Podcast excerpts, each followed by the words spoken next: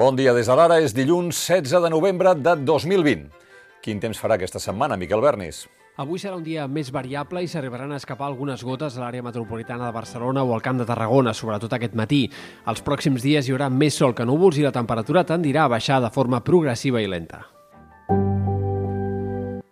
Avui comença a estudiar-se al Parlament Europeu el suplicatori, és a dir, el permís per aixecar la immunitat, poder extradir i jutjar a Espanya els eurodiputats Carles Puigdemont, Toni Comín i Clara Ponsatí. La majoria de suplicatoris es concedeixen, però per l'advocat Gonzalo Boye eh, hi ha partit, no ho dona per perdut. L'argument més potent és que el president i els dos consellers pateixen persecució política, perquè eh, consideren que l'objectiu del procés en si mateix és impedir que tots tres puguin exercir d'eurodiputats. Apunten a la falta d'imparcialitat del sistema judicial espanyol, al viatge ideològic de la Fiscalia i als endarreriments intencionats del Tribunal Constitucional per ajornar eh, que els casos contra l'independentisme arribin a instàncies europees.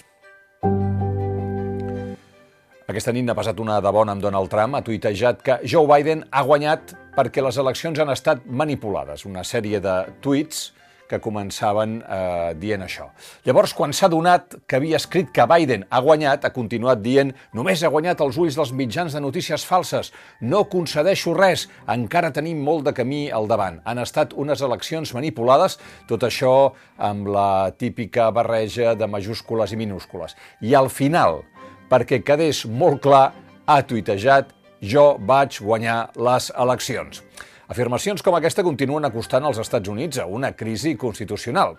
Sobre això, aquesta matinada han entrevistat el president Obama als 60 minuts de la CBS i quan li han preguntat quin consell donaria al seu successor Trump, ha contestat When your time is up, quan el teu temps s'ha acabat, el que has de fer és posar el teu país primer i pensar més enllà del teu propi ego, del teu interès o les teves decepcions.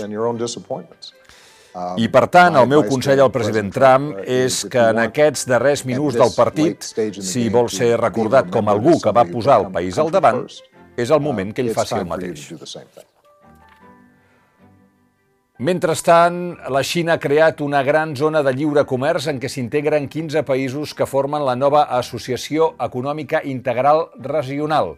Reuneixen 2.300 milions de persones, un terç de la població mundial i una gran bossa de potencials consumidors. El PIB de tots junts suma 25 bilions de dòlars.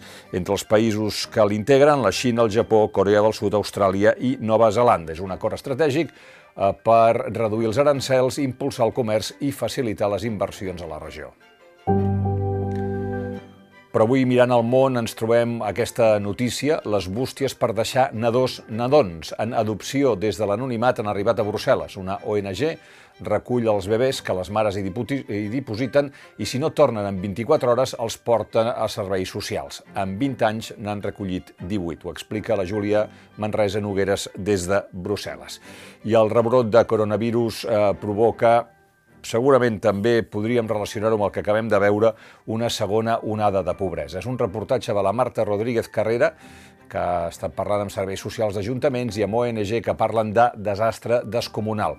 I per acabar-ho d'adobar, augmenta la pressió policial als desallotjaments. El govern diu que vol aturar tots els processos, però els jutjats reclamen actuacions més severes i per això continuï, eh, continuï havent-hi desnonaments. Enmig d'aquest panorama us recomanem aquest article de l'empresari Salvador Alemany que fa dues preguntes a aquells col·legues empresaris que temen per la continuïtat dels seus negocis quant de temps dedicareu a intentar recuperar un present que difícilment pot tornar a ser com era? I quant temps dediqueu a imaginar i dissenyar el futur del vostre negoci?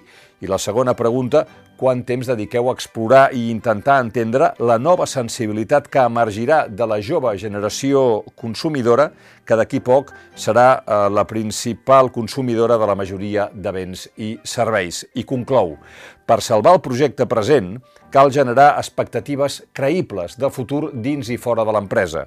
Per això crec que és l'hora dels intraemprenedors, aquells professionals que ja són dins de l'empresa i als quals cal estimular-los perquè el seu coneixement i motivació ofereixin la millor força de reacció per fer el canvi necessari. És l'opinió de Salvador Alemany. Un apunt televisiu. Aquesta nit eh, torna el foraster a TV3. Quim Masferrer visitarà l'Estany, un poble del Moianès. Avui, si hi ha algun, nopri, algun nom propi del dia és el de Joan Mir, 23 anys, és el nou campió mundial de MotoGP. El pilot mallorquí de Suzuki es va assegurar ahir el títol al Gran Premi de València. Ha estat molt emotiu. M'he anat descobrint una mica jo mateix durant la temporada. Començant a venir els podis i, bueno, intentava sempre estar per allà davant. Va arribar la victòria en, en el millor moment, no? I vaig poder marcar una diferència de punts amb els altres. I, i ara, doncs només ha faltat aquesta carrera que va de rematar això. Mentrestant, i com veien, Lewis Hamilton es va proclamar ahir campió mundial de Fórmula 1 per setena vegada. El pilot britànic d'aquesta manera eh, ha aconseguit igualar el palmarès de Michael Schumacher i diu que l'any que ve intentarà guanyar la sisena plaça, eh, la, perdó, la vuitena eh, corona mundial. Ahir va remutar des de la sisena posició i es va imposar al Gran Premi de Turquia.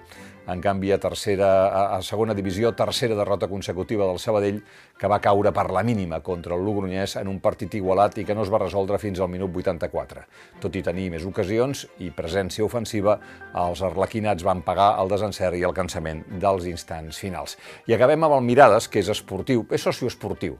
Les restriccions derivades del Covid-19 obliguen a disputar les competicions a porta tancada, com és sabut, però aquests aficionats de la Muntanyesa, que és un equip barceloní de la tercera divisió, no es volien perdre el partit d'ahir i enfilats en escales, en tamborets, en caixes de cervesa i fins i tot, com veuen allà al fons, damunt d'una moto, van seguir el partit des del carrer. Fins aquí les claus del dia, tornem d'aquí uns minuts amb l'anàlisi de l'actualitat.